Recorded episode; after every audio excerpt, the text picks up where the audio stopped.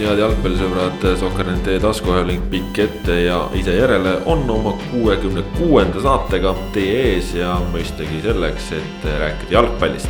minu nimi Kaspar Elissaar, täna siin eh, minuga koos Kristjan Jaak Kangur. väga ilus number, tervist. ja Ott Järvel ka.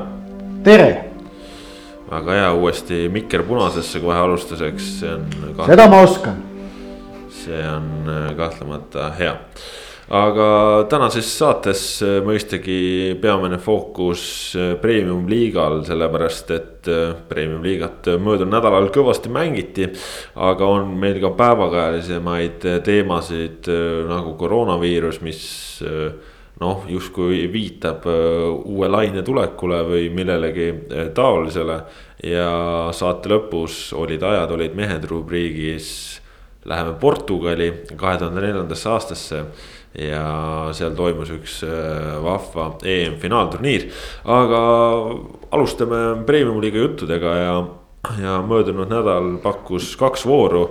Äh, Nõmme Kalju, kes oli siis nädala keskel äh, koduväljakul ikkagi veenvas võitluses näidanud oma paremust FC Levadia vastu jäi nüüd pühapäeval samuti kodus FC Florale valitsevale tiitlikaitsjale üks-kaks alla.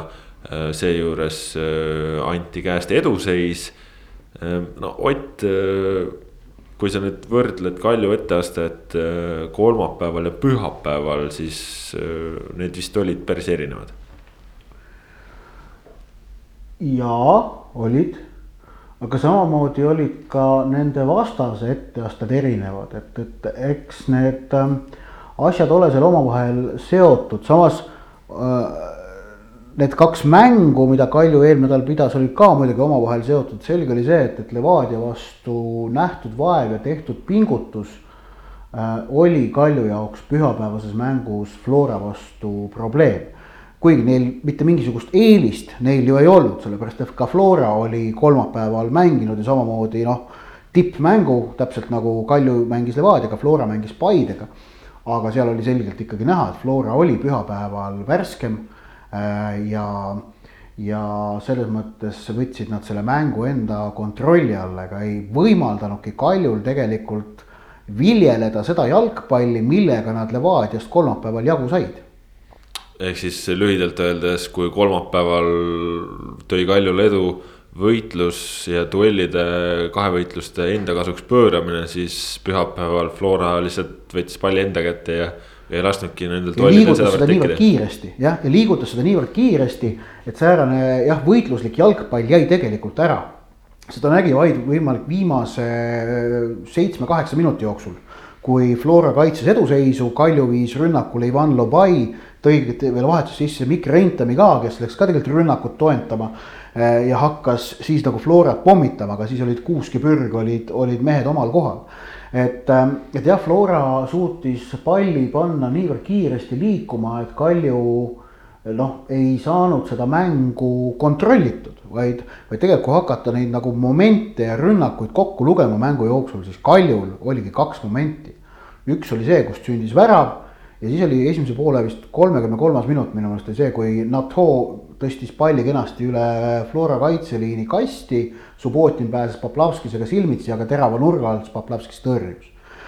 noh, aga samas ütleme, Floral võrreldavaid momente oli ikkagi äh, selgelt väga palju rohkem.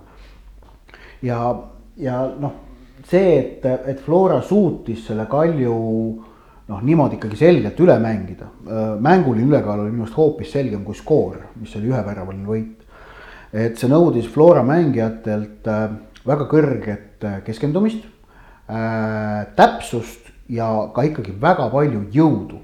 jõudu, mitte siis sellist noh, füüsilist rammu, et vastane ära trügida, vaid jõudu, mis on vajalik selliseks oh, hoolsuseks.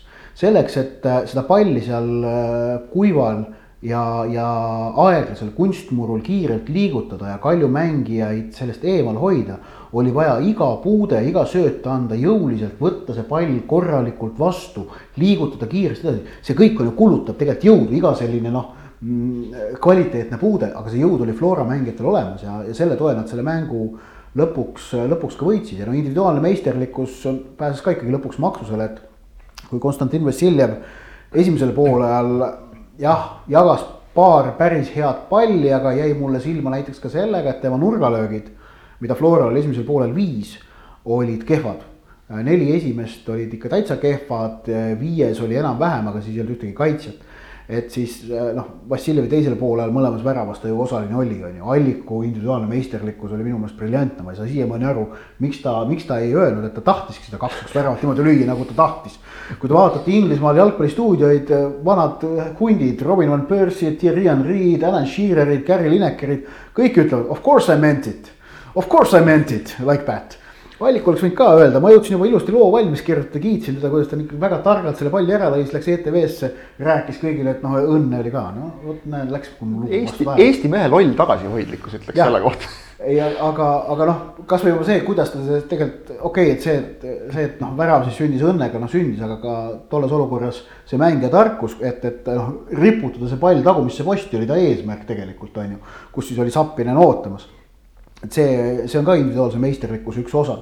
Ja ka Zappineni oma, kes siis no esimesel poolel tõesti paugutas tühja, aga teisel see Vassiljeviga koostöö seal üks-üks värava puhul toimis.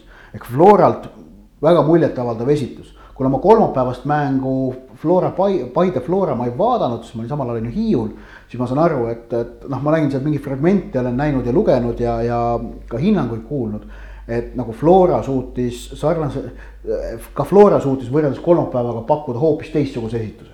no seda saab äh, Kristjan Jaak äh, öelda, sest äh, tema nägi mõlemat Flora esitust sel nädalal või noh, möödunud nädalal. noh, see, see Paide mäng oli selline ütleme nagu natuke kaks erinevat poolaega, et, et esimesel poolel Flora seal suutis nagu enam-vähem asju kontrollida, teisel oli ikkagi ütleme, teise poole pealt oli aru saada, miks Paide oli selle mängu järel tohutult pettunud noh, nad ehitasid endale seal, seal ise väravaid. ja, ja, ja su, ilma selleta oleks võinud täiesti vabalt ka Paide selle mängu tegelikult ikkagi võita, sest teisel poolel Paide mängis oluliselt paremini, aga Florast rääkides, siis ka mulle avaldas muljet see mismoodi tegelikult isegi siis, kui Kalju läks juhtima üks-null. ikkagi oli tunne, et see mäng on pigem Flora kontrolli all.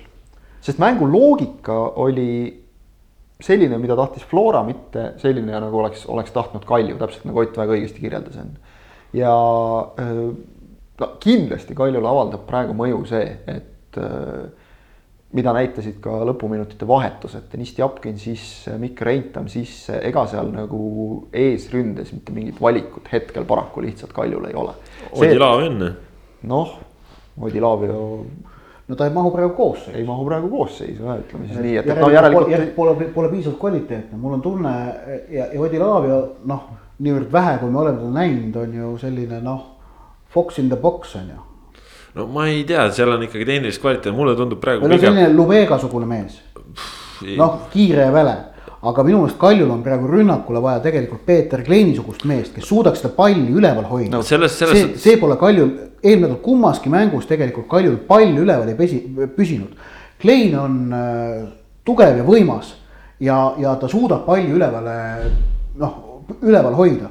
ja kui, kui Klein suudab palli üleval hoida, siis jõuavad, äh, jõuab NATO äh, oluliselt suurema protsendiga Äh, palli, pallivaldajaks, ütleme vastase karistuse lähedal. ja me oleme näinud, et kui NATO saab vastase karistusalast noh, kümne kuni viieteist meetri kaugusele palli, siis hakkab juhtuma.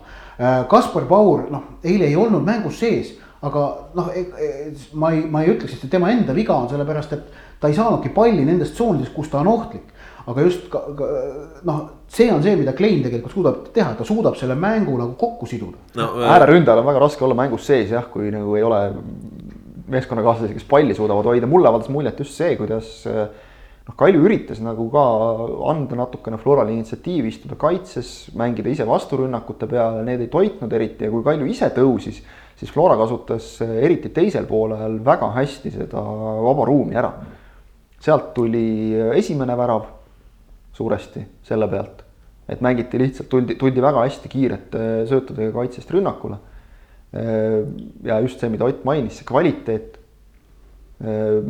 Vlassi Zinjavski tuli vahetusest väga hästi sisse, tekitas teravust selle Alliku kaks-üks värava puhul kindlasti tuleb kiita ka söötu, mille Henri Järvelaid ääre pealt andis, et noh, me oleme väga palju rääkinud sellest, et kuidas seal Hiiu väikesel ja kitsal ja, ja tõesti natukene juba väsinud kunstmuru peal Flora-sugusel meeskonnal noh, ei õnnestu oma mängu peale suruda, mida ka tegelikult tulemused on, on näidanud viimastel aastatel. Et, et, et seekord õnnestus see neil väga hästi ja ütleme nii, et Eh, noh, ega Jürgen Henn üldiselt nagu pärast mängu nüüd oma meeskonda alati nagu väga kiitma ei kipu, pigem on, on see jutt, et jah, olime tublid, aga noh, siit-sealt annaks parandada, eile ütles ta pärast mängu ikka minu meelest väga otse välja, et, jah, me mängisime hästi. et see näitab ka päris palju tegelikult. Ja, ja, ja võis tõesti seda täiesti julgelt ja ausalt öelda ka, eriti see, et, et tehti samm edasi ja muide, üks suhteliselt oluline asi, ma nüüd tõesti ei ole täpselt kursis kõikide premium-liiga meeskondadega, aga mis jäi kõrva, oli see, et Flora ei teinud kunstmurul mitte ühtegi trenni enne seda Kalju mängu.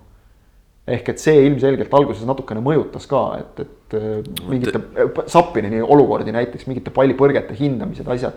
aga siis tuldi sellesse mängu sisse, ehk et tuldi nagu väga selgelt mängima oma mängu, mitte lähtuvalt sellest, mida kirjutab ette Kalju või see staadioni olukord või mis iganes, see on tugeva meeskonna. ma pead ei anna, aga, aga võis äkki olla niimoodi, et ka Levadia tegi tegi päev enne veel muru peal trenni, enne kui kunstil mäng oli, aga. aga üldiselt ikkagi tehakse, noh üks mängueelne trenn, et see nagu näitab ka, et usuti oma asja, mindi seda tegema ja tehti ära. ma olen nõus sellega, et see on enesekindluse märk ja, et kui sa enne kunstmuru mängu, mida praegu on meil noh, Premiumi liigas väga vähe.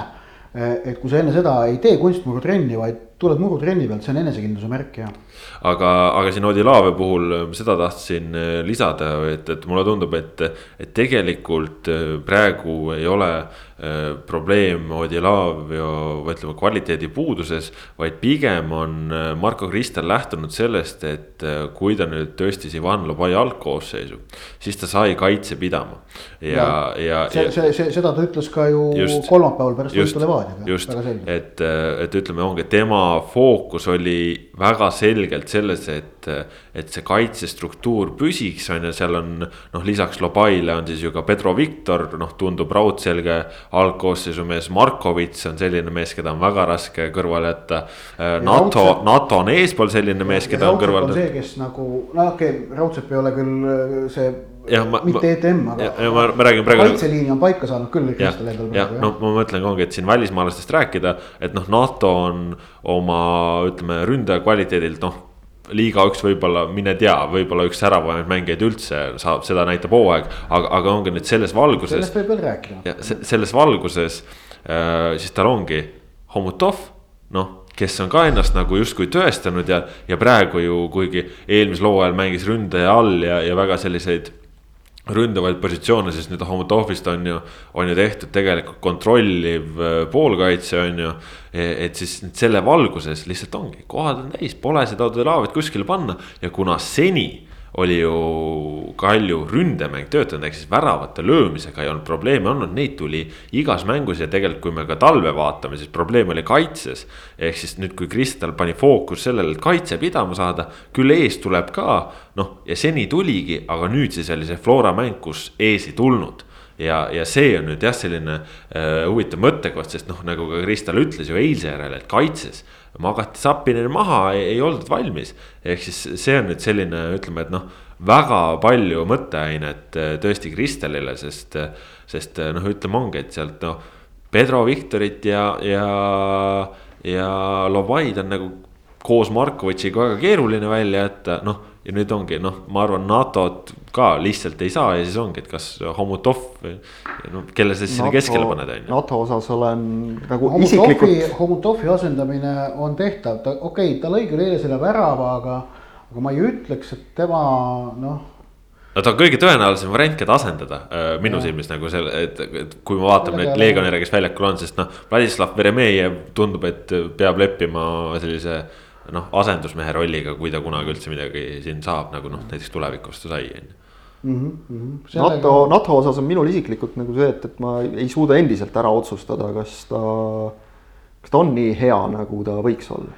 ehk et seal, seal on mingit nagu sellist no ma kuidagi siit libistan ennast läbi sellest mängust, mingit sellist nagu tunnet on, et kui ta tahab no,, on ta loomulikult tohutult hea. tehnilist kvaliteeti on väga Just, palju. aga kohati mingites olukordades mulle natukene tundub, et ta jääb pehmeks, samas Kaljul sellist loovat mängijat ei ole sinna asemele panna. samamoodi ei ole tegelikult sellesse rolli, kuhu Omutov on väga hästi nagu sisse elanud.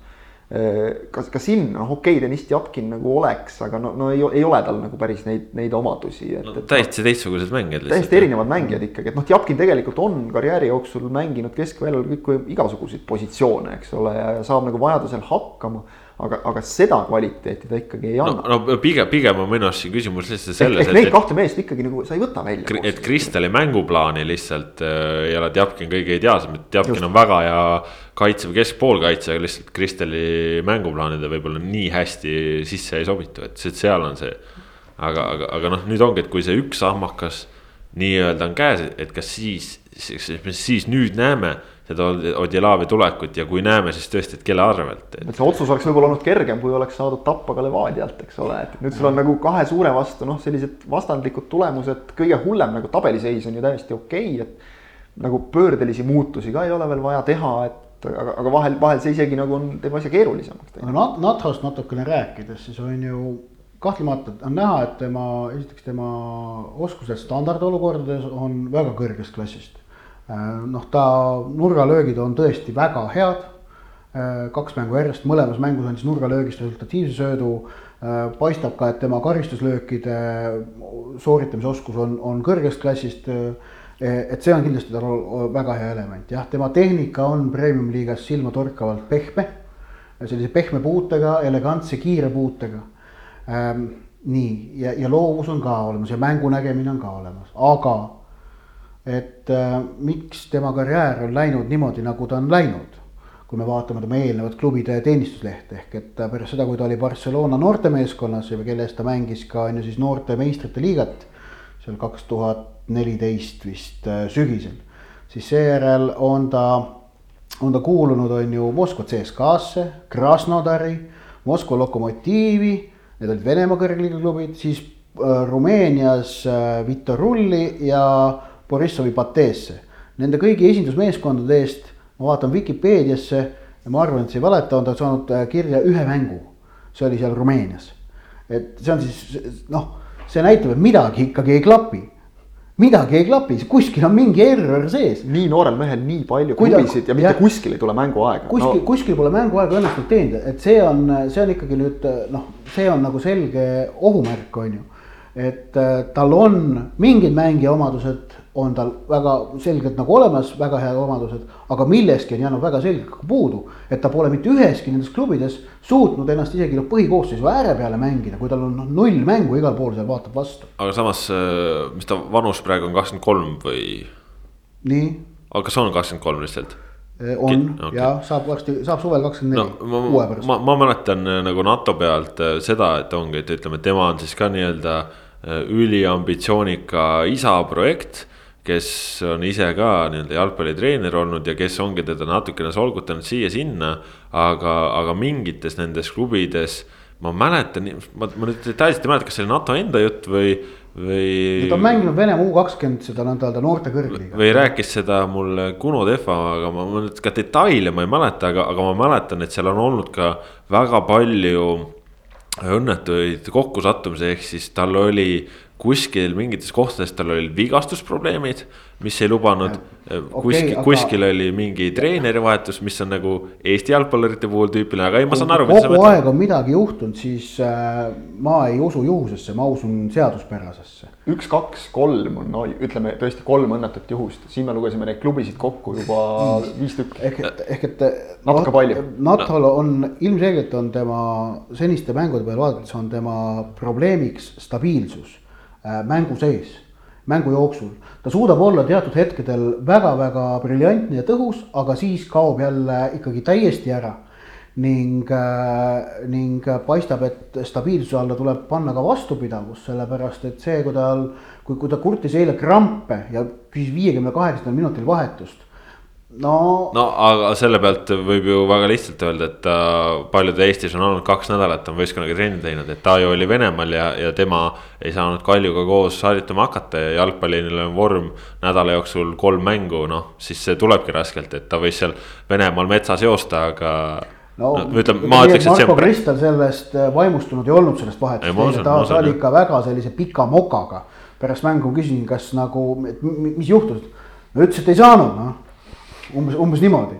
ja noh, oli näha, et ta oli, ta oli pettunud selles, et ta pidi NATO peale vahetuse raiskama ja ka selle, et ta NATO ei pidanud üheksakümmend minutit vastu. et, et noh, kui ta oleks nii hea, nagu siin on ju noh, tahetakse arvata, siis kõiki neid probleeme ei oleks. ei oleks ebastabiilsust, ei oleks vastupidamisega probleeme ja, ja aga et sellised probleemid on, siis see näitab minu meelest jällegi seda, et selle mängija ja, ja ka tema eelnev teenistusleht kipuvad viitama sellele, et äh, kas ta on ikkagi psühholoogiliselt selleks täiesti tippjalgpalliks on ju valmis no.. isegi kui me jätame need, selle. Need küsimused on üleval no.. isegi kui me jätame selle. aga muidugi kahtlemata on tal kaljus võimalik nagu tõestada, et jah, ta on ja, ja on ka häid märke, aga on ka kahtlusi. kui me jätame selle eelneva teenistuslehega kõrvale, siis isegi ma jääks kõige selle juurde puhtalt selle pealt, mida ta on seni Kalju eest väljakul näidanud need küsimärgid jäävad endiselt õhku. mina tooksin äh, paar asja, mida ei tasu kõige selles ära unustada.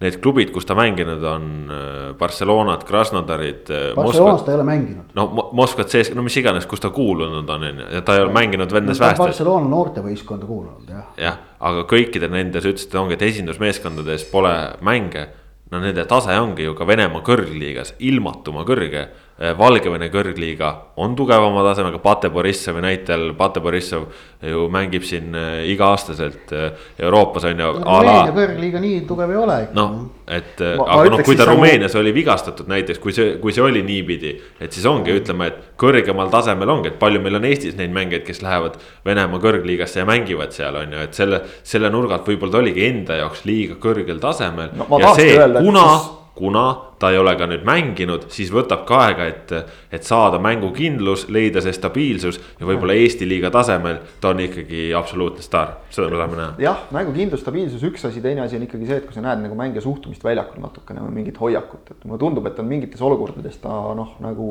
annab natuke liiga kergelt järele. aga võib-olla see on täiesti subjektiivne, võib-olla tõesti teeme talle liiga praegu. me ju teeme siin praegu järeldusi noh, sisuliselt. Teie teete? viie vooru pealt aga, aga teine mees, kellest eilse kontekstis tahaks rääkida, Hendrik Pürg äh, tagasi väljakul. Äh, mina olin veel, veel Viljandis sel hetkel, kui see mäng toimus, nii et rääkige, kuidas Pürg hakkama sai. hästi. jah, jah. kõik. hästi jah. väga hästi tegelikult, arvestades tõesti täielikku mängupraktika puudumist. Äh, väga hea oli aga sa oota, ma tulen selle NATO juurde tagasi, küsisid, et palju on Premiumi liigas mängijaid, kes lähevad siit Venemaa kõrgliigasse ja mängivad Jevgeni Haarin läks, on ju Levadiast Groznõi äh, Terekki, oli vist? Äh, sinna, sinna äh, Ahmat on ta, ta ei ole enam Terek, Groznõi Ahmat on ta vist. no vot ja vaatan, et statistikas, et hooaeg tuhat üheksa, kaks tuhat üheksateist, kaks tuhat kakskümmend on tal kuusteist mängu Venemaa kõrgliigas kirjas. mullu ta sai mängima, aga kui sa enne no. seda vaatad, siis alguses tal läks ka kohanemisega läks aega. ei noh no, no jaa, aga ühesõnaga, et. no Dmitri Krulov on ka käinud ja mänginud. Premium liigast ka, ka noh, ei saa öelda, et Haarin oleks olnud Premium liigas mingi absoluutne staar. kõva, kõva klassiga mängija, aga absoluutne staar ta küll ei olnud. ja, ja tema suutis minna siit Venemaa kõrgliigasse ja seal mängida tegelikult, noh, mitte liiga pika pausi ajal.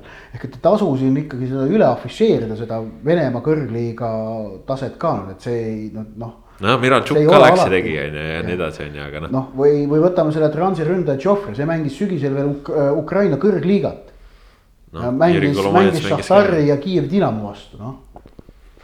aga NATO ei mänginud ei Valgevenes, ei Venemaal, ei Rumeenias. ühesõnaga saame näha, mis, mis see NATO tegelik kvaliteet on, aga, aga noh loovuse ja tehnika poolest tundub, et seal ikkagi on. Nüüd ja. ongi huvitav näha, et kas see stabiilsus tuleb ja, ja mis sealt saab.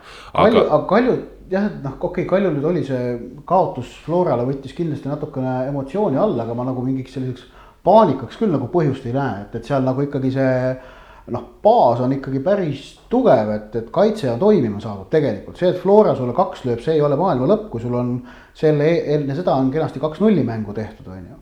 sealhulgas Levadia vastu et, et see on nagu igati noh, arvestatav äh, argument ja, ja ega seal nüüd üleval jah, jällegi ma ütlen, nad mängisid praegu tiitlikaitse Flora vastu, kes tõesti tegi ka väga hea mängu.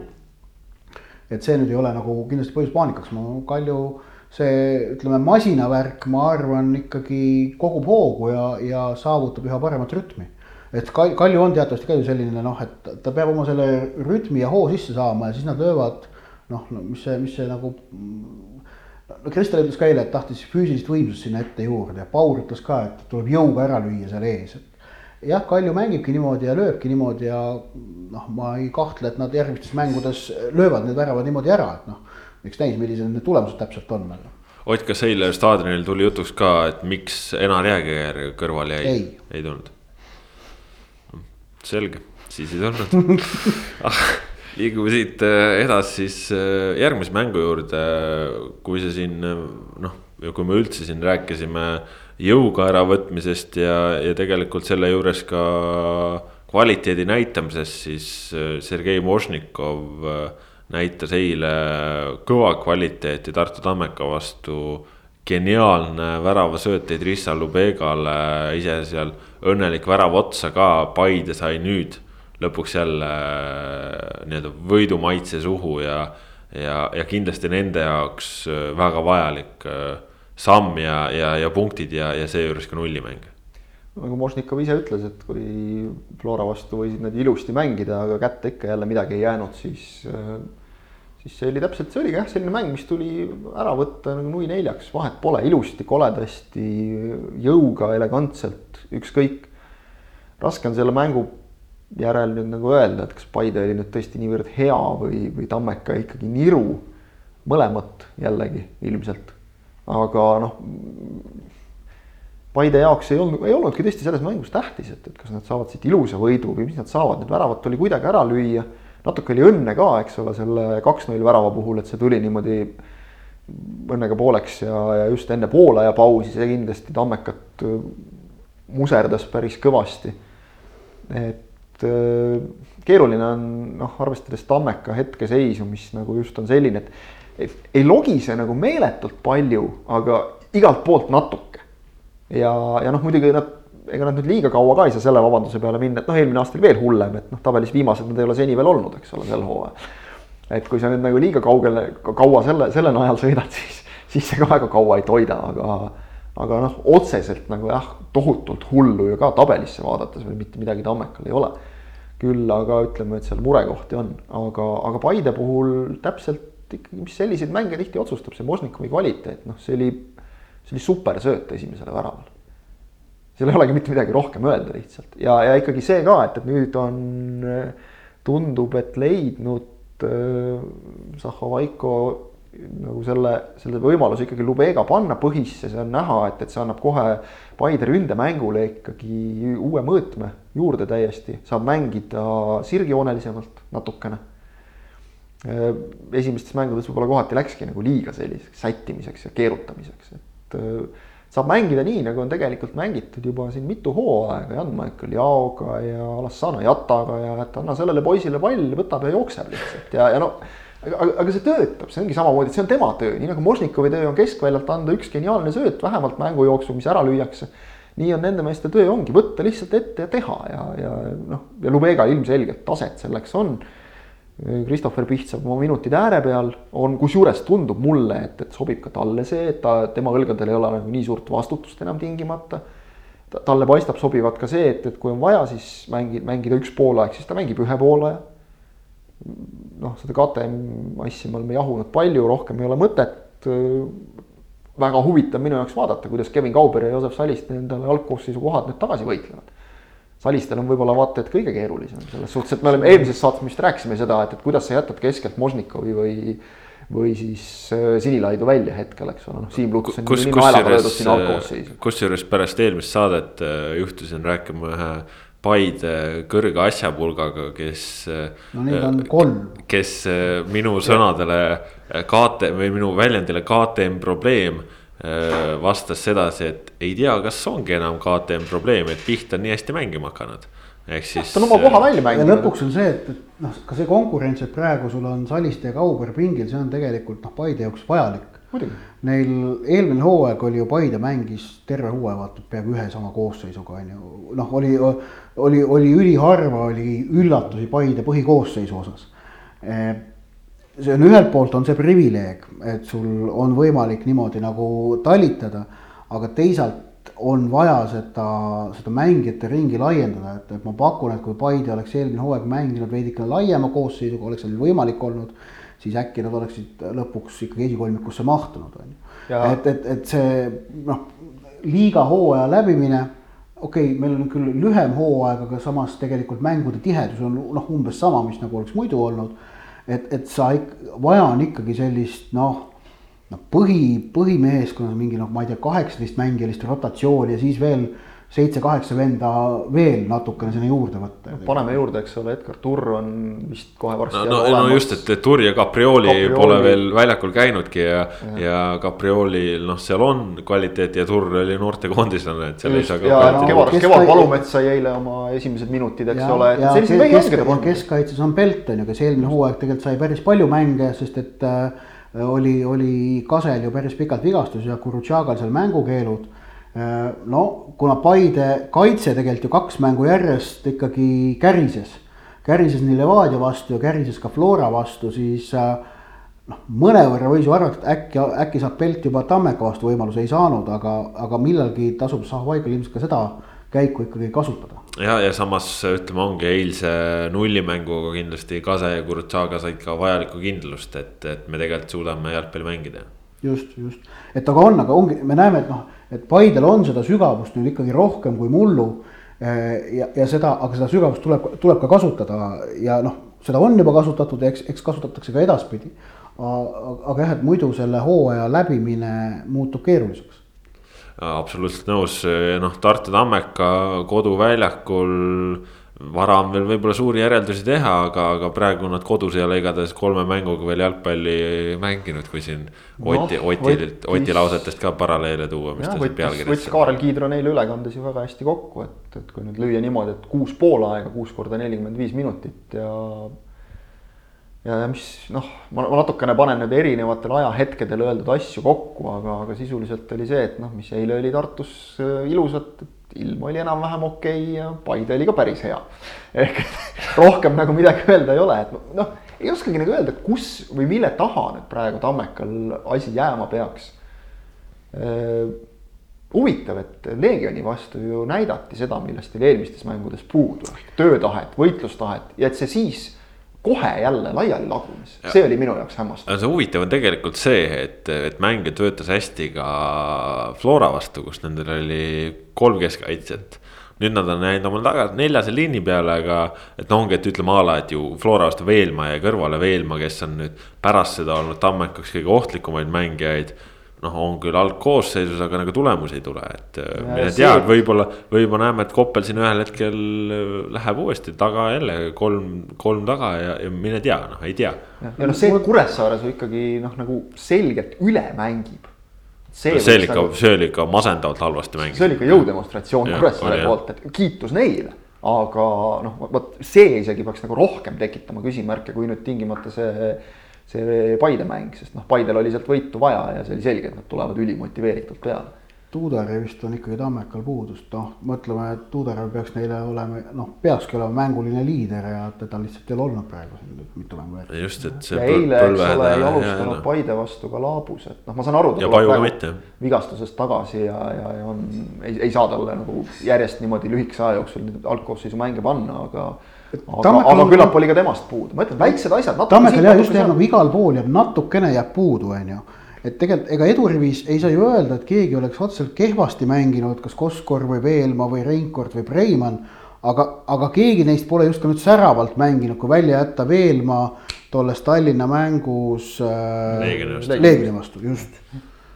ja, ja fakt on ikkagi see, et kuidas me ründajaid hindame väravate järgi, neid ei ole liiga palju tulnud. Ole jah, et, et seal, seal on tõesti juurde panna ja tegelikult ka võimaluste tekitamises on juurde panna, eks Kaido Koppelil mõtteainet on, sest kui varem on olnud ka ju Tartu Tammeka selline filosoofiline kreedo, anname tuld, siis praegu pigem on selline lõke, lõke seal susine, susisenud vaikselt ja, ja pigem nagu mitte just väga ereda leegiga selles mõttes põlenud, et, et seal on kindlasti juurde panna aga.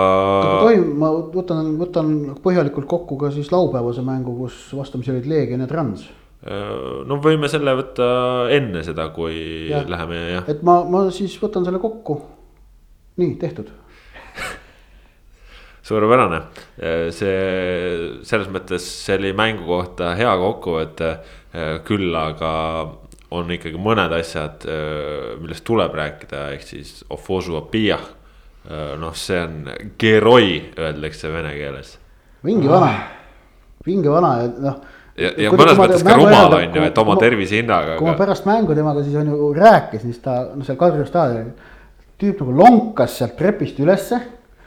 noh, no näha, ma ei, ma ei oska hinnata, kas see üks põlv oli paksem ka kui teine, igatahes ta lonkas ja tugevalt lonkas. no mängu lõpus lonkas juba mees. nojah, noh, see platsi peal, aga kõndides lonkas yeah ja siis, ja siis, ja siis, ja siis küsin ta käest, siis räägib mulle nägu laia naeru täis, kui õnnelik ta tegelikult on, et ta mängida sai, et ei tea, mis nüüd järgmistel päevadel üldse saab. aga ma olen nii rahul ja õnnelik, et ma mängida sain.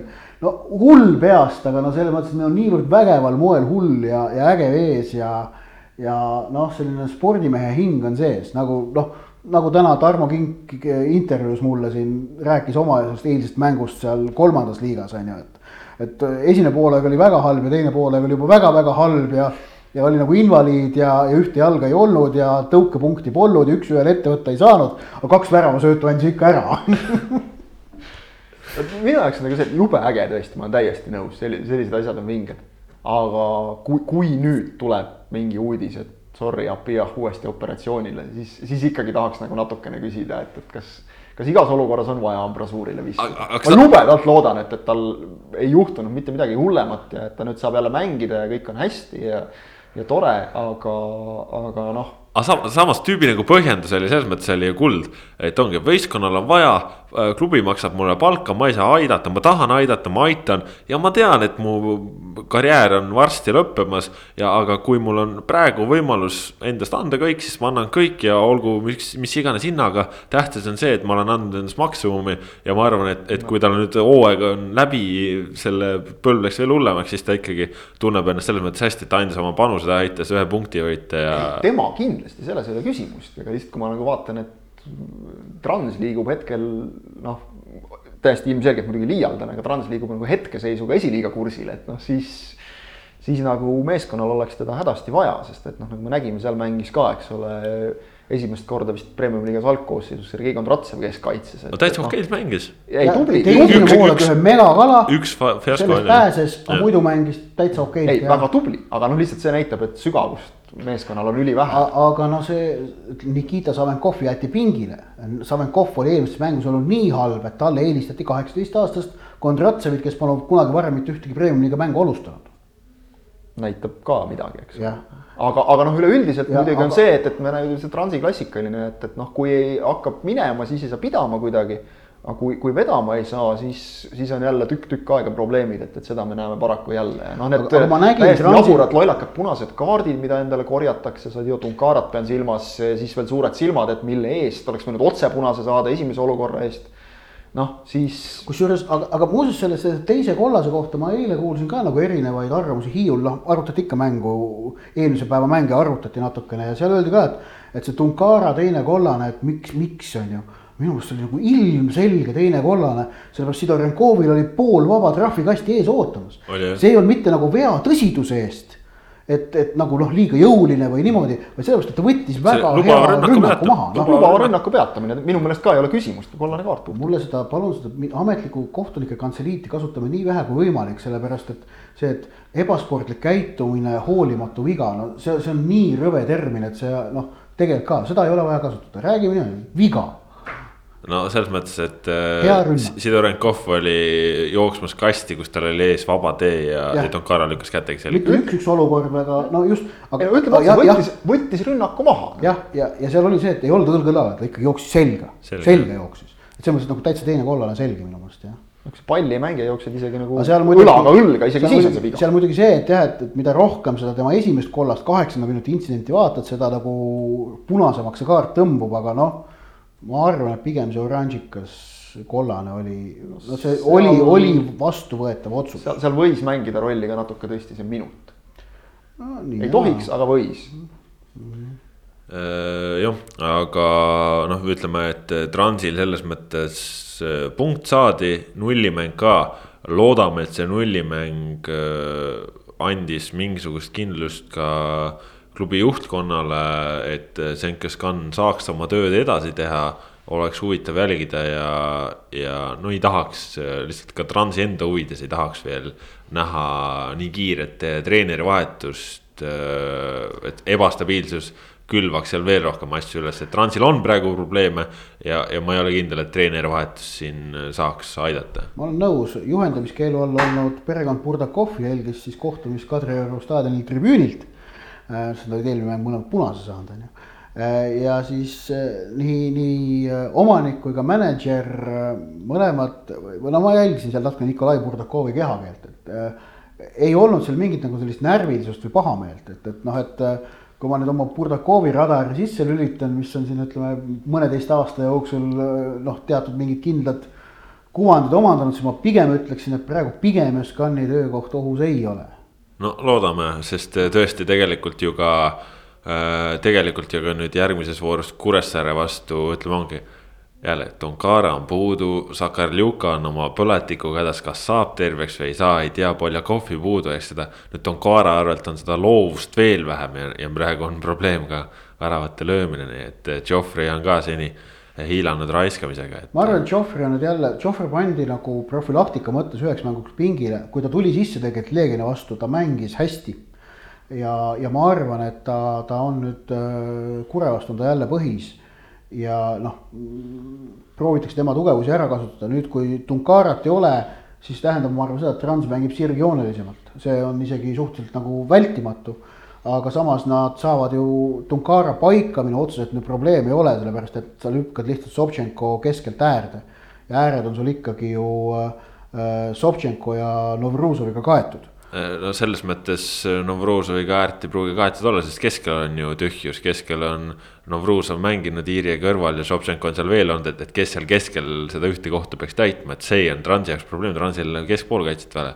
Juri Tšukatšuk ei, ei saa ka praegu võtta no, kuskilt mujalt ka, aga, aga, noh, seal on keskpoolkaitse on nendel puudu ja see on selge probleem, sest kui Sakarljuka veel endiselt ei saa mängida, siis on nagu noh, et kes seal seda mängu teeb üks mees veel, kelle ma olen täiesti ära unustanud kuidagi, mul tuli meelde, ma mõtlesin kogu aeg, et keskkaitsjatest, et keegi oli ju veel, sest keskkaitsjatest saab selle tõttu rääkida. siis saab Iiri, siis saab Iiri nihutada jällegi keskväljale, see natukene aitab, aga Maksim Žerezov on täiesti pildilt kadunud. oli ju Tõsi. omal ajal noortekoondisena üks lubavamaid. kas Žerezovil põlveprobleemi ei olnud või? pingil oli igatahes Leegioni vastu pingil okay. ta nüüd oli jah, et, et, et kui nüüd noh, temaga juurde tekib, siis mingeid valikuid nagu jälle on, tal on natukene, aga küll vähe, aga natukene siiski ka premium-liiga kogemust, aga üldplaanis. mis just Žani puutub, noh, tema personaalküsimust me eelmises saates juba lahkasime pikalt, aga, aga ega nende kahe viimase mängu põhjal ma nagu ka ei näe otseselt, et, et nagu treeneris või mingis valitud taktikas nagu midagi väga valesti oleks, et see mm., kui Geoffrey ära ei löö või see, kui väravavahid näppude vahelt palle sisse pudistavad või see, kui Tunkara endale noh lolli punase võtab, eks ole, kuskilt. sinna on nagu treeneril väga-väga vähe ära teha, et seal Tunkara eemaldamise järel kaamera näitas hästi Ossiani, kes lihtsalt seisis väljaku ääres. noh, selle olekuga, et no, no mida ma teen, mida ma teen sellise asja peal. ehk ma, ma ei oskaks nagu talle väga palju ette heita ja noh, ütleme ega Transil, okei okay,, nende jaoks võib-olla mõne Eesti, teise Eesti klubiga võrreldes Venemaa treenerite turg on natuke rohkem lahti ja juba puhtalt isiklike tutvuste ja kontaktide tõttu. Aga et nüüd oleks siia kedagi kohe asemele tuua niivõrd hooaja varajases faasis, Žani asemel, kes teab ju seda meeskonda ka varasemast mingil määral, kes, kes noh, on ka alati valmis võtma vastutust, kes ütleme, tundub olevat see tüüp, ta on nagu sellisest jalgpallikultuurist, kus ta saab aru, et see transis toimiv loogika, kus klubi omanikul ja presidendil on nagu natukene, ütleme, suurem sõnaõigus mingites asjades. Ta, ta, ta mõistab seda, ta, temaga ei teki selle koha pealt konflikti, et ma ei näe nagu mitte mingit põhjust praegu, miks peaks teda kuskile veel minema saatma, et ma usun. noh, kui Trans mängiks nagu täiesti kohutavalt, aga ütleme isegi Leegioni vastu kümnekesi, nad suutsid täiesti korralikult mängus sees olla ja mingeid selliseid poolvõimalusi tekitada rohkemat jah, selle mängu kohta öelda ei ole, aga, aga, aga nad ei andnud alla ka selles olukorras, et võitlesid selle kümnekesi selle punkti välja ikkagi, et, et noh, suures plaanis ma ei näe, et, et see asi nüüd nii katastroofiline oleks. jah, et see mäng oli selles mõttes kummaline, et see oli ju noh, tõsiselt kehva kvaliteediga mäng äh,. kust mõlemad lahkusid nagu niimoodi väljakult kergelt pettunult, aga minu arust tagantjärgi on mõlemal pigem põhjust kergeks rahuloluks. sest mõlema võistkonna puhul võis näha kergeid äh, märke liikumisest paremuse poole, mõlema mäng nagu tundus paremini toimivat, mõlemad said selle nulli mängu, mis on tähtis psühholoogiliselt, ma usun. ja, ja Leegionil siis tõesti, et. äh, no Leegion ei ole eriti, nad ju eelmisel aastal karikasarjas said Transilt null seitse, et edasiminek on toimunud.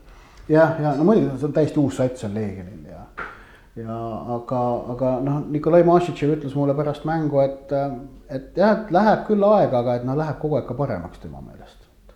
Et eh, polegi midagi parata, et tuleb nagu tööd teha ja natukene oodata ja, ja peatreener Belov rõhutab ka, et esimesed üheksa mängu ehk et esimene ring on neile premium-liigaga harjumine. et seejärel siis ta tahab näha juba noh, tulemustes suunda parem, paremuse poole Äh, vot nii palju sellest mängust, üks mäng, kus sai palju väravaid näha, ka palju võitlust ja, ja ka palju kaarte, oli pühapäeval tuleviku ja Kuressaare mäng, Kuressaare, kes oli Tammekat üllatanud noh, ikkagi igas mõttes nii taktikaliselt, mänguliselt, tulemuse mõttes. see oli selline tüüpiline Kožuhovski võit, ma ütleksin selle kohta. too oli, aga nüüd äh, eilne oli, oli ikkagi suur sahmakas kaotus null viis tulevikult. Kožuhovski võttis ka selle enda peale, et tema süü, süü see oli. ja see on äh, tüüpiline Kožuhovski treeneri tarkus. ma ütleks ka tugeva treeneri tunnusmärk sest yeah. noh, ärme ikkagi selles mängus jätame seda tähelepanu. no Kuressaarel oli, oli sats, sats, noh pool satsi oli puudu no,. igast liinist võtmemängija, eest Täpselt. lipp, keskelt rass, tagant Pajunen. ja keegi oli veel puudu. Äh, Saar oli ka puudu ja noh, Larsen ka. noh, just et, et noh, ja Kuressaare puhul on selge ju see, et, et ka, et noh, neil on ka sügavusega ikkagi on noh, lippu sa ei asenda niisama. ei asenda jah. rassi sa ei asenda niisama sinna keskväljal ja, ja Pajunurme ammugi mitte keskkaitses, et noh, noh, nad on, pakuvad sellist noh, nad on võistkonna liidrid. ja noh, ütleme see viis-null skoor on kole, aga, aga vaatame seda, et kaheksakümne viiendal minutil seis veel kaks-null et see lõpus murdumine, seda ei tasu nüüd ka üle tähtsustada. ja tegelikult äh, Kozlovski selles mõttes oli riietusruumis õiged järeldused teinud, sest teist poolaega alustas Kuressaare väga-väga hästi. esimesed viis minutit olid totaalselt nende käes, aga siis karistuslöögist löödi kaks-null ja, ja eks see oli selline äh, murdeline hetk, et äh, ütleme Sander Posti tuleb kiita, sellepärast et kui Tammeka vastu Kuressaare kasutas ära kaitsjate taga olevat ruumi, mida oli palju. siis tulevik mängis väga madalal, väga kompaktselt, Kuressaarel ei tekkinudki seda ruumi, kuhu joosta. ja, ja sellega oligi no,. Soomre paar korda sai ju Eduri vastu äh, noh Edurist mööda, Edur sai minu arust esimene poolek ka kollase selle eest vist või, oli või? jah, äh, jah, jah, jah, või ei, või, või Neville Grimmi vastu sai äkki kollase.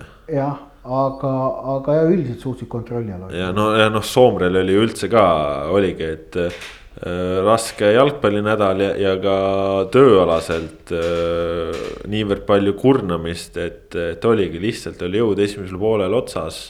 ei, ei, ei olnud seda rammu sees ja tuligi vahetus teha, et et äh, sealt oli ju veel nii-öelda üks kadu lisaks sellele, et, et noh, Soomre oli löönud koos lipuga neid väravaid ja, ja tegelikult halb uudis on see, et äh, Äh, lipupõlve vigastus tundub, et osutus väga-väga tõsiseks.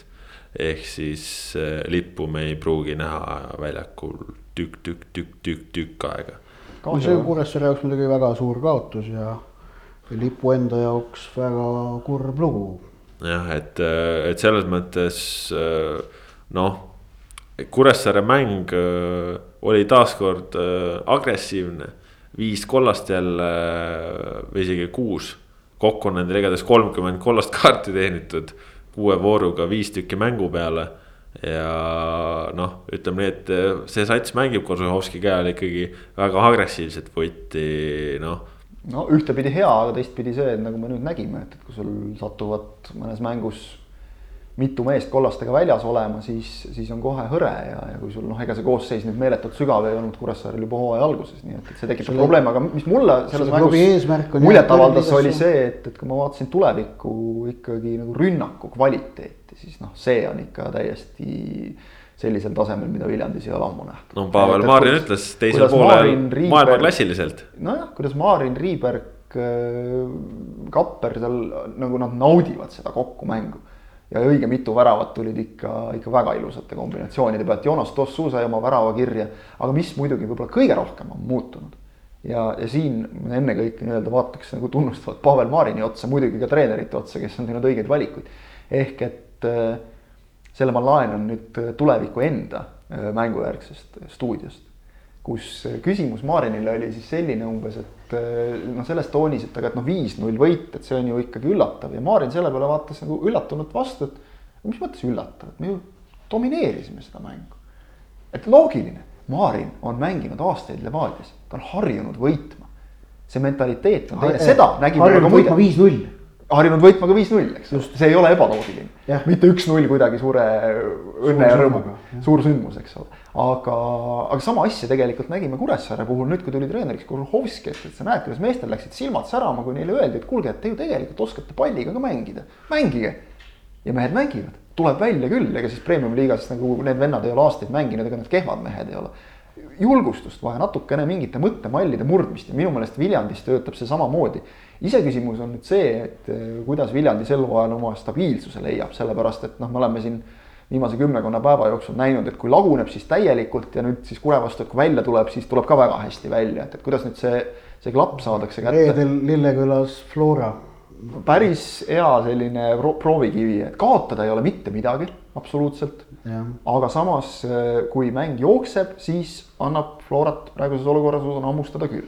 Kuressaare seis on ka see, et noh, et et okei okay,, see, see noh, kaotus oli halb ja nüüd see lipu-uudis on veel halvem ja. aga selle satsi eesmärk on jääda liigasse püsima.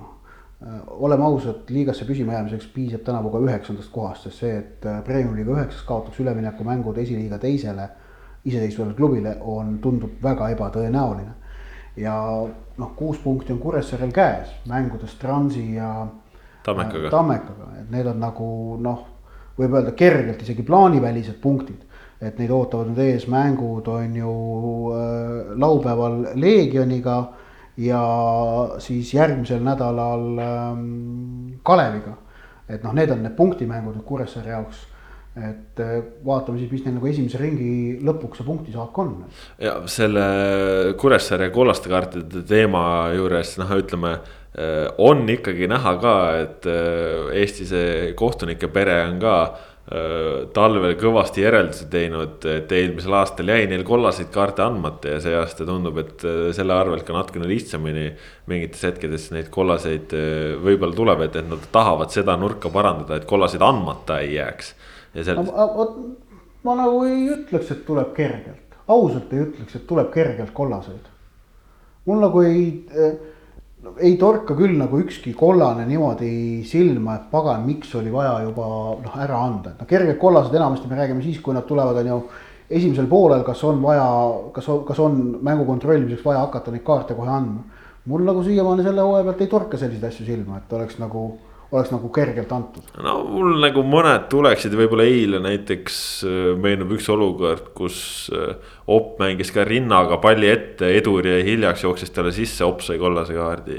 Äh, et noh, see oli sihuke. see on siis noh, okei okay,, sa ütled, see on nagu valesti antud, on ju no mina sealt no, kergelt ei... antud on, kergelt antud kollane on pigem see, et, et, et noh, et kui võtab Vikatiga neljandal minutil maha, kas nagu on vaja anda või mitte. no vi, vi, Vikati eest peaks andma. no Vikat on ka, Vikatiga ka erinevaid, vaata, üks on see, millega Edinson Cavani heina niidab, on ju koroonapausi ajal, et okei okay,, kisuga ära. ühesõnaga minu meelest ei ole nagu kohtunike liin kollastuses olnud silmatorkavalt äh, häiriv.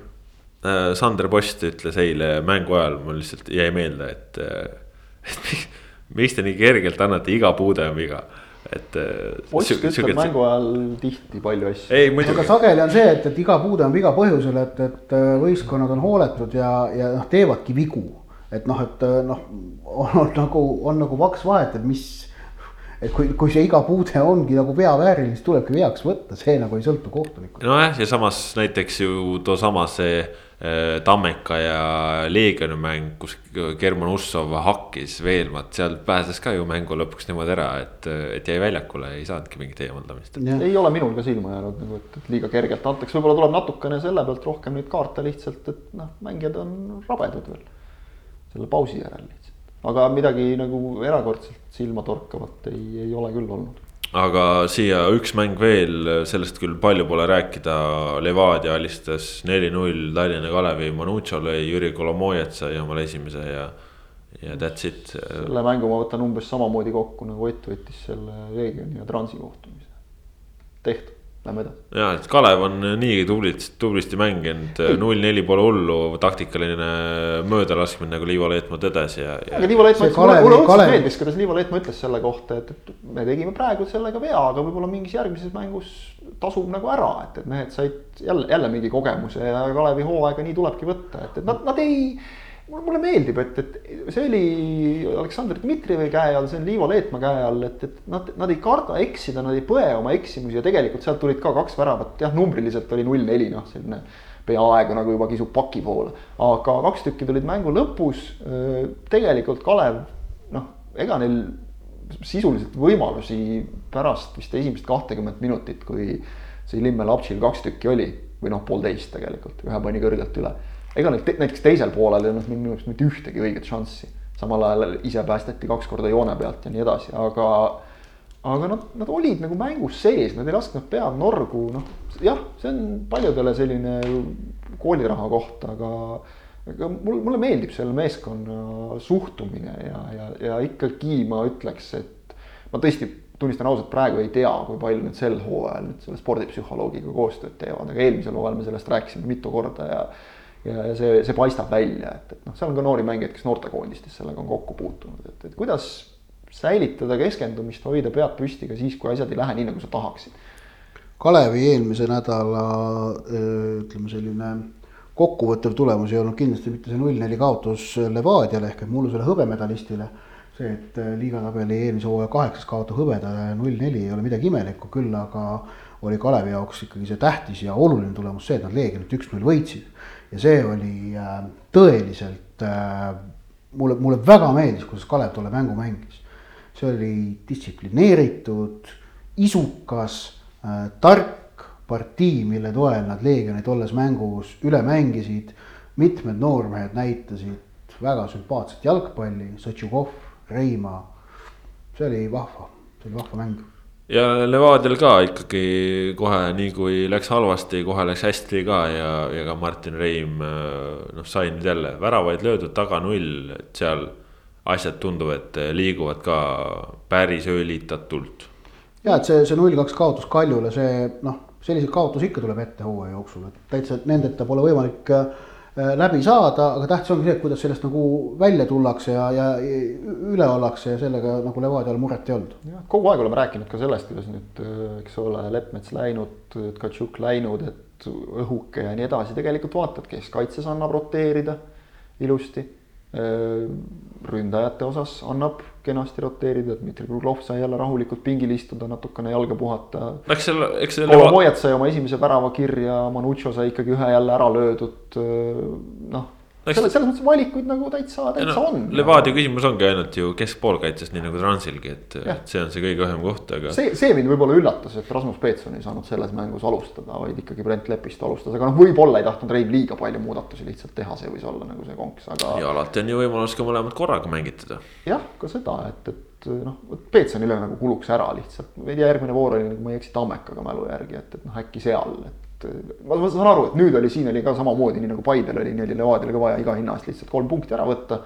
seda noh, tegelikult see asi ikkagi otsustati ära juba esimese paarikümne minutiga lihtsalt oma intensiivsuse ja, ja, ja suhtumisega. ja noh, nagu ikka, tagumise otsa meeskondade jaoks on rasked need mängud, kus tippmeeskond hoiab keskendumist noh, vähemalt üheksakümne protsendi peal kuni lõpuni välja. ja seda Levadia tegi, nii et noh, kui oli näha, et kui see püsib, siis see mäng ei saagi teistmoodi lõppeda vot nii palju premium-liigast, aga, aga Eestis on muid asju ka ja täna siis äh, Ott Järvela tõid äh, jalgpallisõpradeni uudise, et, et noorte jalgpallis on koroonaviiruse tõttu Eestis juba üks mäng edasi lükatud. Äh, noh, tundub, et, et ka üldine see olukord Eestis, kui siin vahepeal oli juba juba null haigestumisega päevi, siis, siis nüüd siin nädala lõpus tuli siin kakskümmend ja kümme ja nii edasi, et. et jalgpall ikkagi kõnnib õhukesel jääl. no see oli aja küsimus, millal mingi selline juhtum tuleb. arvestades seda hulka jalgpallikohtumisi, mis iga nädal Eestis peetakse kõikvõimalikes liigades, äh, siis äh, see oli ju täiesti loogiline, et mingil hetkel see selline olukord tekib, et keegi mängus osalistest või keegi nendega seotud on, on nakatunud. ja, ja ma olen kindel, et see juhtum ei jää viimaseks ja vähetõenäoline, puutumata jäävad ka täiskasvanute võistlused, ei saa välistada, et puudut-, puudutatuks saab ka premium-liiga. ja siin ongi noh, sellega tuleb selle, selle reaalsusega, et sellised asjad juhtuvad, tuleb nüüd jalgpallil kohaneda, see tähendab võimalik ka mingisuguseid kalendrite ümbermängimisi. noh, ütleme noortevõistlustel on see reeglina natukene hõlpsam kui täiskasvanute võistlustel. aga noh, seal ei ole muud varianti ei ole, kui kohaneda piiranguid tuleb rakendada nii palju kui võimalik äh,, nii palju kui vaja ja nii vähe kui võimalik, väga lihtne. ja noh, siin äh, töö peab jätkuma, kui vähegi võimalik, noh.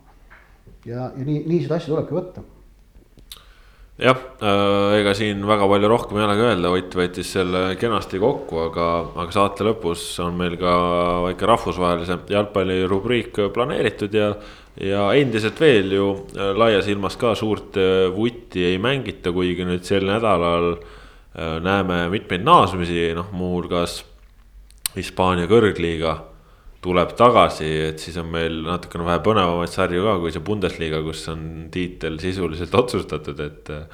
et Reali ja Barca vahel on, on see seis päris lahtine, aga aga läheme praegu, olid ajad, olid mehed rubriigi raames kahe tuhande neljandasse aastasse, kus äh, Portugal võõrustas siis EM-i, äh, mängis äh, päris jõuliselt, aga lõpuks ikkagi dramaatiliselt ise seda karikat pea kohale tõsta ei saanud. ma võin, me teame kõik, et Kreeka võitis, on ju, ma võin rääkida ühe naljaka loo algatuseks, et et äh, meil Tartus oli, oli sõprade pundiga. Äh, EÜS-is oli meil kombeks alati see, et enne igat suurturniiri on, on ennustusvõistlus.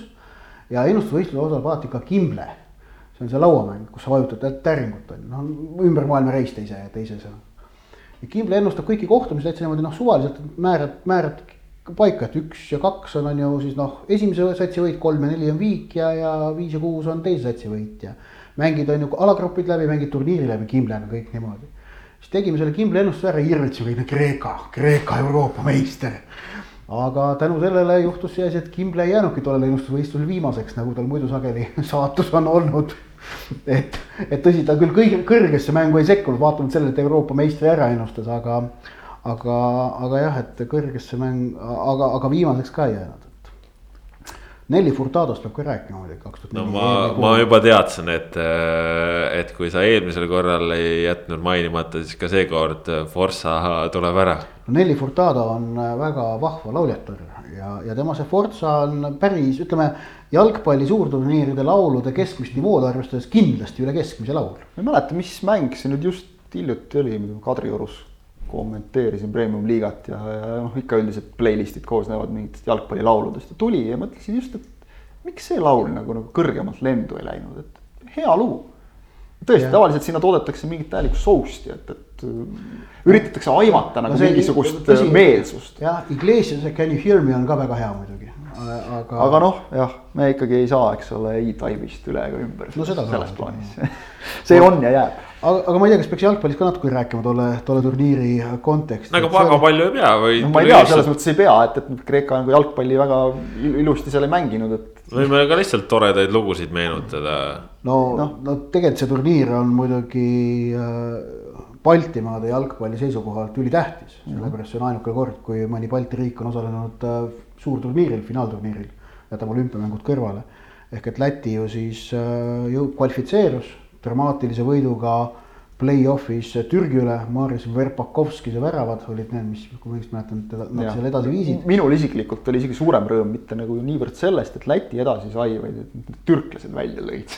See on no, kuidagi alati olnud tore. nojah, ja siis no Läti tegelikult mängis eh, EM-il väga korraliku turniiri, esimene mäng Tšehhi vastu võitsid ju poole aja Verpakovskise väravast üks-null kaotasid mängu üks-kaks, seejärel sakslastega null-null viik. Neile tehti viiga selles äh, Tšehhi mängus, kui ma õigesti mäletan, äh, Tšehhide viigi värava eel vist kangesti sedamoodi tundus küll, et pall käis üle otsajoone.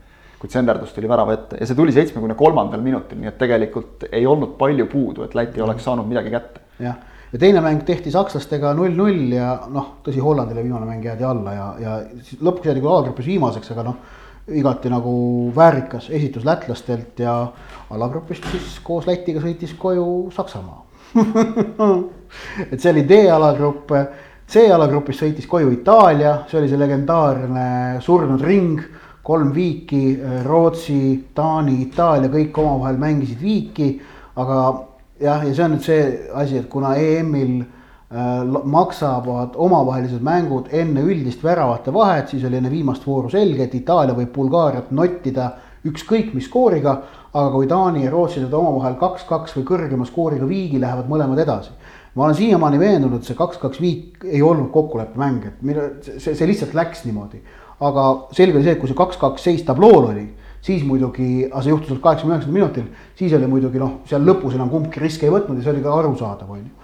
Ja ärme unustame selle juures. aga ma ütlen endiselt, UEFA on loll, et kasutab seda omavaheliste mängude asju. Üldine väravate vahe peab maksma. ei no ütleme... aga omavahelised mängud on ju kõige selgemini. ei ole, üldine väravate vahe, turniiril maksku üldine väravate vahe. ma tahaksin ka premium-liigas maksaks üldine väravate vahe, mitte omavaheline mäng. Mm. Ja ärme seda ka unustame, et tegelikult Itaalial oli vaja Bulgaariat ju kindlasti võita, et üldse ma need viis punkti kokku saada. Oma..., mis saadi kätte neljandal üleminutil ehk et tegelikult nagu, kui nagu tahate süüdlast otsida, vaadake peeglisse põhimõtteliselt ma ütlen, et oma, omavaheline mäng on sama, omavaheliste mängude eelistamine üldisele väravate vahele, see on, see on roosa löga. see on roosa löga. Kaspar saab nüüd jälle Oti kanalit natukene vaiksemaks keerata, sellepärast seal on kõik punases juba. selles suhtes, et. B-alagrupp. sul on ammu, sul on ammu maha keeratud. ei, ei, ma ei, ma ei jõua keerata, aga. Prantsusmaa, Inglismaa said edasi. Horvaatia, Šveits sõitsid koju ja A-alagrupist ka Hispaania läks koju, et sealt oligi see, et Kreeka saatis ju Hispaania koju Äh, Portugal võitis grupi, Kreeka läks teisena edasi. no vahepeal ütlen, et ikka omavahelised mängud on ikkagi väga aus mõõdupuu. ei ole täiesti mõttetu. sellest teeme järgmise saate, kus te saate üheksakümmend minutit sellest ja. rääkida. mina tooksin nendest Oti äh, välja või mainitud mängudest välja selle, et, et muidugi vaat on, kui nüüd peale vaatad, siis hakkavad hetked meelde tulema, et äh, Ibrahimovitši värav Itaalia vastu see täiesti sellise koha pealt, no füüsikaseadused ütlevad sellise koha pealt, selliselt kõrguselt ei ole võimalik lüüa palli selja taga olevasse väravasse kannaga.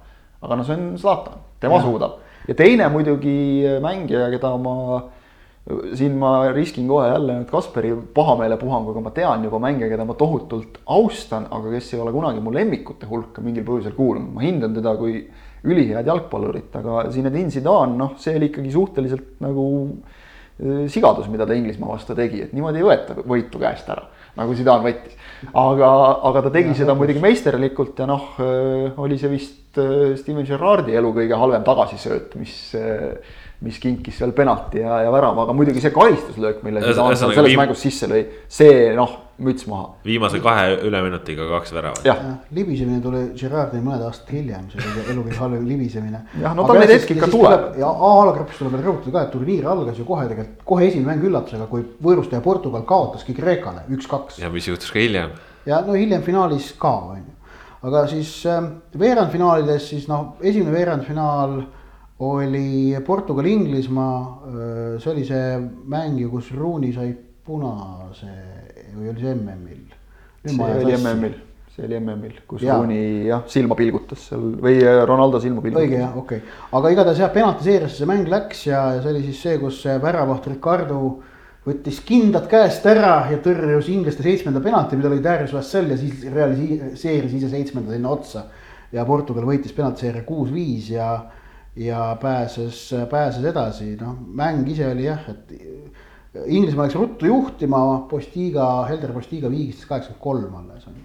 et noh, inglastele siis esimene kaotus kaks aastat hiljem, kaotasid Portugalile uuesti on ju veerandfinaalis et. aga, aga no ütleme, see oli ikkagi jälle selline mõnus äh, inglaste ebaõnnestumine penaltiseerias, et. jaa, see on klassika. tegid Inglismaad ikkagi. ma isegi, isegi mäletan äh,, mäletan seda mängu väga hästi, jah. jah, teine veerandfinaal oligi siis ja siia, seal sündis siis no esimene suur-suur üllatus, kui seesama Zidane'iga Prantsusmaa sai Kreeka käest äh, null-üks äh, oli kurb päev noh, polnud hullu midagi, Andres Frisk oli kohtunik, näitas oma neid rinnakarvu sealt särgi vahelt onju kolmas veerandfinaal Rootsi-Holland null-null ja penaltid. Holland võitis penaltiseeria, mis oli ka muidugi kummaline.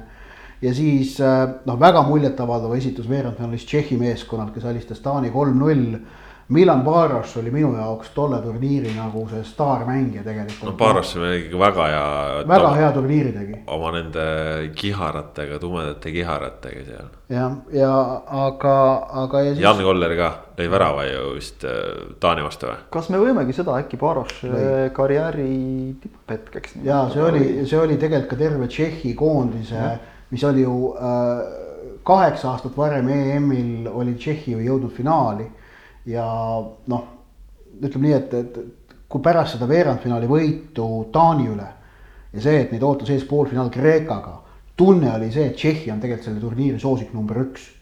või noh, vähemalt sama head šansid kui Portugalil. et noh, Tšehhi tundus tõesti no pidurdamatu, Koller, Baros äh, ründeduoga ja muidu väga-väga head jalgpalli näidati. aga Kreeka pani ka nemad kinni ja, ja pani nad kinni ju sellega, et lõid siis selle minu meelest see, mis peaks olema jalgpalli ajaloo või vähemalt EM, EM-turniiride ajaloo on ju ainukene hõbe, hõbedane värav. seal oli see reegel, kus, et kui lisa esimesel poolel. no see kõik oli jama ikka. kui see emb-kumb võidab lisa esimese poole ja siis teist poolega ei mängita. ja Kreeka lõi värava sada viis pluss üks minutil ehk et esimese lisa ja poolaja üle ajal nurgalöögist peaga Dellas lõi ära ja oligi mäng läbi ja Tšehhi väljas. see on nagu umbes see, et, et me saame aru, et kuldne värav ei meeldi kellelegi, aga me ei taha nagu sellest loobuda ka, et, et me siis teeme selle hõbedase värava, et täis lollus ikkagi. ja, ja e, esimene poolfinaal enne seda siis Portugal oli Hollandit kaks-üks võitnud, ausalt seda mängu ma väga ei mäleta. selles mängus oli ju see, kas, kas ei olnud seal see Manishi legendaarne värav, mille absoluutselt kõik vist režissöörid, operaatorid maha magasid, kus ta okay kus nurgalöök mängiti kiirelt lahti ja ta täiesti arusaamatu koha pealt taha risti lõi. kuskilt karistusala nurga juurest. noh, ja siis tuli juba finaal ja Angelos Karisteas ja noh, seal, seal juba mina ei uskunud enne finaali, et Kreeka nüüd selle ka veel ära teeb. aga ma olin siis päris noor ka veel, kogenumad äh, jalgpallisõpradest sõbrad, kes mul kõrval olid, need ütlesid ei, siin ei ole mingit kahtlust, et Kreeka võidab selle mängu ka. et nad on oma selle mängu niivõrd äh, niivõrd ära lihvinud, et noh, loogika ütleb seda, aga samas nad olid võõrustajate vastu, on ju noh, Portugali vastu, aga. ma mäletan, ma olin tulnud äh, noorte laulupeolt äh, Tallinnast äh, ilusti koju Hiiumaale ja vaatasin seda mängu ja siis ma. mul noh, minu lemmik Prantsusmaa oli selleks ajaks juba teelt pühitud ja nii, aga ma mäletan neid Ronaldo pisaraid ka sealt, et ja neid mäletavad kõik. see, see oli selline. kaksteist aastat hiljem mina mäletan seda, kuidas Ronaldo juhendas Portugali Euroopa meistritiitlini. see ja see oli see, et vaata, et Portugal kaotas kodus selle EM-i finaali null-üks. ja siis kaksteist aastat hiljem Prantsusmaa kaotas kodus Portugalile EM-finaali null-üks ja, ja Ronaldo pisarad, need, need noh, see oli Ronaldo esimene suur turniir, et muidugi need, need olid, olid kõnekad, aga need olid noh said kaksteist aastat hiljem väga magusalt tasutud. kas, kas see tähendab seda? erinevalt Lionel Messist. kas see tähendab seda, et kaks tuhat kakskümmend kaheksa võidab Prantsusmaa EM-i alistades võõrustaja riigi finaalis? üks-null, no see on loogiline ilmselgelt jah, muud varianti ju ei ole, noh. ärme ikkagi unustame. me veel ei tea, kus kaks tuhat kakskümmend kaheksa EM mängitakse, kakskümmend neli mängitakse Saksamaal. loodetavasti mitte Eestis. loodetavasti me ei pea ka küsima, kas mängitakse aga kui, kui me jah, seda Ronaldo üle nagu irvitasime natukene, siis. me ei irvitanud, me lihtsalt no, meenutasime, see oli lihtsalt, see oli lihtsalt ajalooline hetk, mida Just. mäletavad väga-väga paljud. meem, tol ajal vist meem ei olnud nii populaarne. ei olnud, aga, aga. meemid tulid hiljem, aga, aga meemiks on ta läinud. aga, aga kiidame ikkagi Otto Rehhagerit ka, kes noh, ütleme rohkem eh, saksalikult ei ole vist isegi nii saksalikult ei ole ükski Saksamaa koondis. ma ütleks isegi itaallaslikult nagu mingi nurga alt. jah noh. Catenaccio oli ikka tasemel, no, no reaalselt see oli ju buss, mis oli pargitud ja, ja see buss ei liikunud mitte kuskile. oli trillitud, Georgios Karagunis oli üks neid, aga need, seal oli, tegelikult oli kogu sats neid noh, võtmemängijaid täis, aga noh, Karagunis on see, kes on hiljem ka legendiks saanud, on ju aga see oli, see oli kõva, see oli kõva. see oligi see, et, et sel hetkel noh, kõik kirusid ja vandusid, et kurat, see ei ole jalgpall, miks sihuke asi täpselt. Aga tegelikult on see, et kui sa õpid seda. Nende kõikide inimeste üle mul oli nagu siiralt hea meel, et nad, et neil oli halb tuju.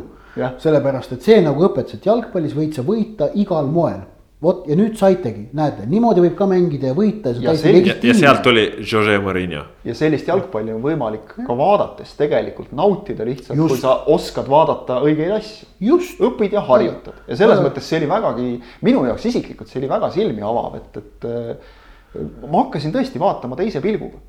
Ma ja. hakkasin vaatama rohkem seda taktikalist liikumist, kõike seda, kui, kui, kui seni oled ikkagi noh, nagu nautinud rohkem, et, et ilusad väravad, kõik mm -hmm. ilusad liigutused, aga kui vaadata ikkagi jäi mulle praegu silma Rehhagelit vaadates veel, härra on nüüd juba kaheksakümne ühe aastane.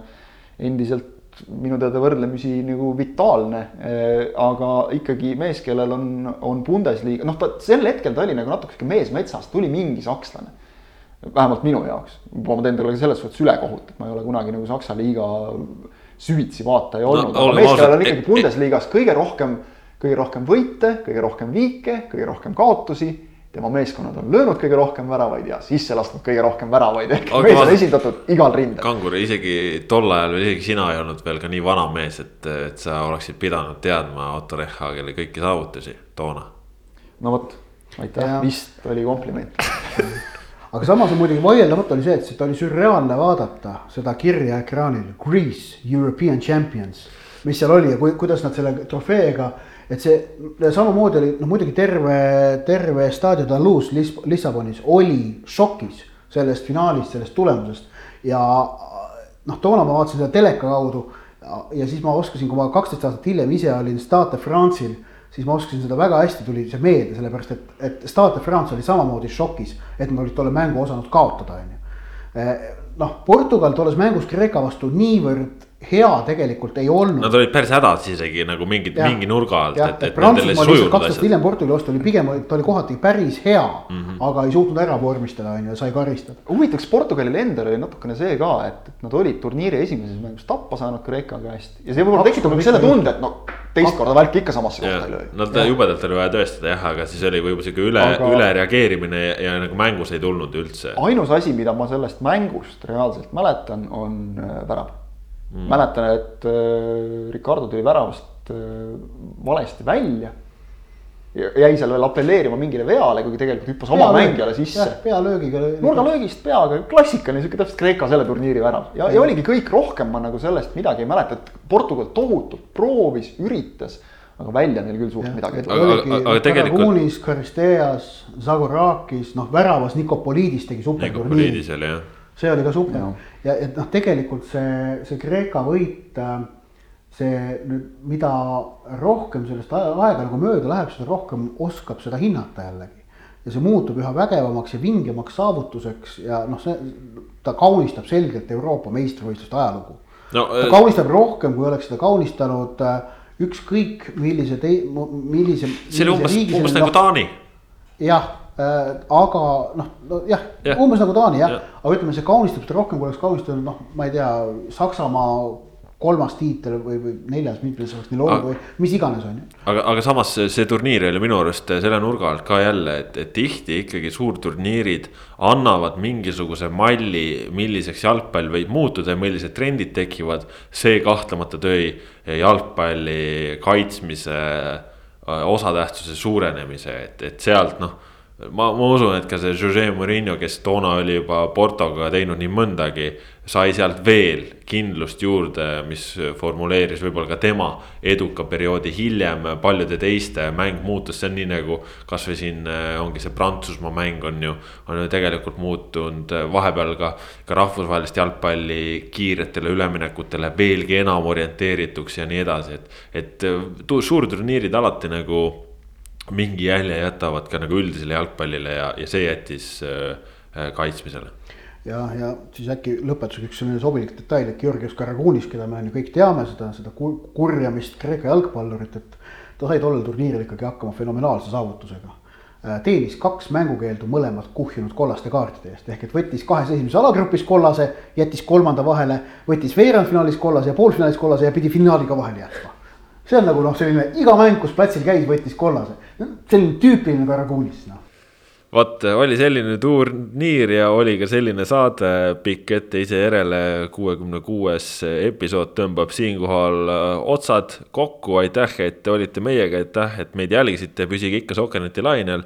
sel nädalal siis premium-liiga voor nädalavahetusel seniks aga nautige kõike muud jalgpalli, muuhulgas esiliiga jalgpalli, mida ka teieni toome ja pakume, nii et äh, aitäh, et olite, olge veel, kõike head, püsige terved, käituge vastutustundlikult ja suvi, jee, adjöö